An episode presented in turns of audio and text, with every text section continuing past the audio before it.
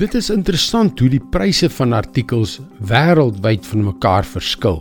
Die vergelyking tussen gewone dinge soos 'n bottel water of die prys wat jy betaal om jou hare te laat sny, vertel jou baie oor die lewensstandaard van 'n land.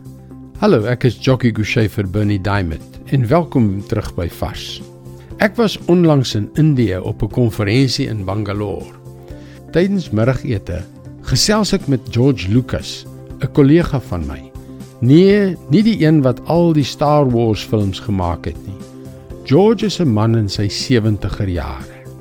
Sy vrou, met wie hy 50 jaar lank getroud was, is net 'n paar weke gelede oorlede nadat sy 12 jaar bedlend was.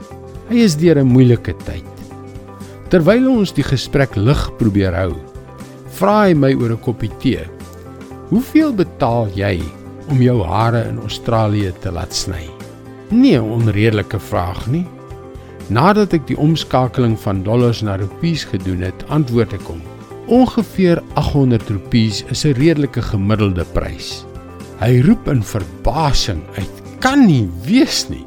Ek betaal slegs 8 rupies vir myne." Dit blyk dus dat George 'n 100 keer sy hare kan laat sny vir die prys van een haarsny in Australië. Dink net. Hy sal my ver wen. Seker al sy haarkapper in die hemel besoek vir die prys van my volgende haarsny in Australië.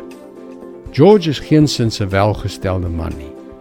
Ten spyte van die feit dat hy baie deurgemaak het, is daar 'n vrede, 'n vreugde en 'n rustige opgetoonheid in hom wat jou na hom toe aantrek.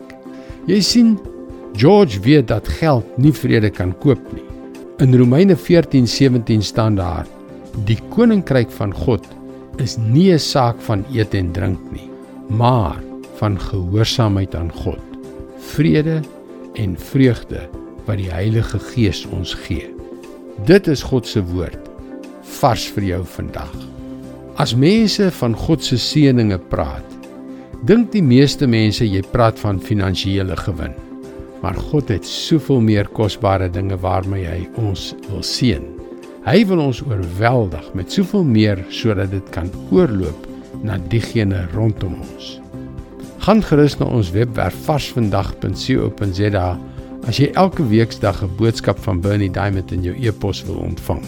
En luister weer maandag op dieselfde tyd op jou gunstelingstasie vir nog 'n vars boodskap. Groete en seënwense.